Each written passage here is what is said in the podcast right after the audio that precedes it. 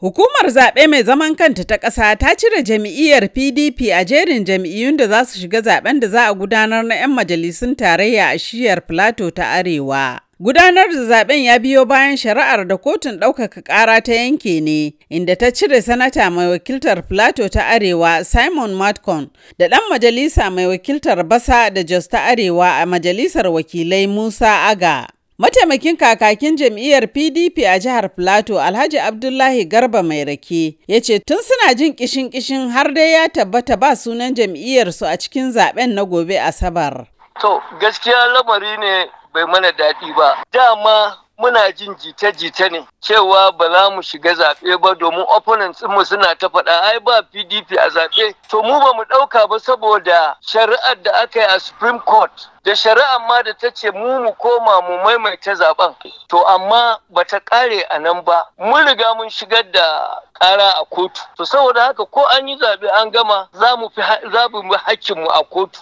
Shugaban ƙungiyar gamayyar jam'iyyu ta IPAC a jihar Plateau Abubakar Dogara ya ce ba su da hurumin canza matakin da hukumar zaɓe ta ɗauka sai dai jama'a su yi haƙuri su gudanar da zaɓen cikin lumana.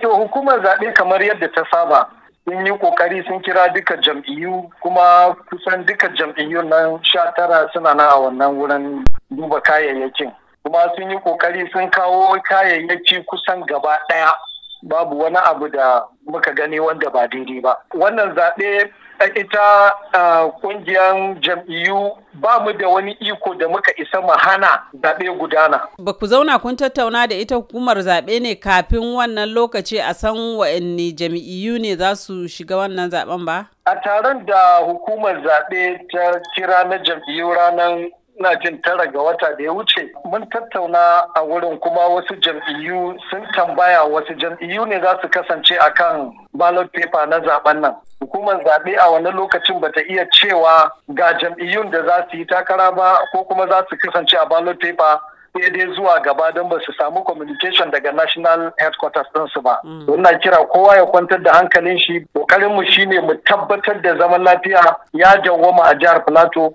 Ga mai fashin baki kan lamura kuma shugaban ƙungiya mai zaman kanta mai suna Clean Guard Shamaki Peter ya ce kotu ce kaɗai za ta ƙwace wa PDP 'yancinta. To gaskiya wannan abin da ya shafi PDP nan damu tana cewa ita Court of Appeal sun ce PDP PDP ba su da structure sai suka cire duk 'yan PDP da suke Senate House of Red State House of Assembly. PDP su koma court kawai yanzu su je su nemi interpretation kuma su nemi ya ne da ya taimaka musu a wajen. Kafin nan kuma an riga an gudanar da zaɓen. A to ai yanzu kam ai tun da su an cuce su ai. Ko an cire members sha shida, an cire senators guda biyu, an cire House of Red guda biyar.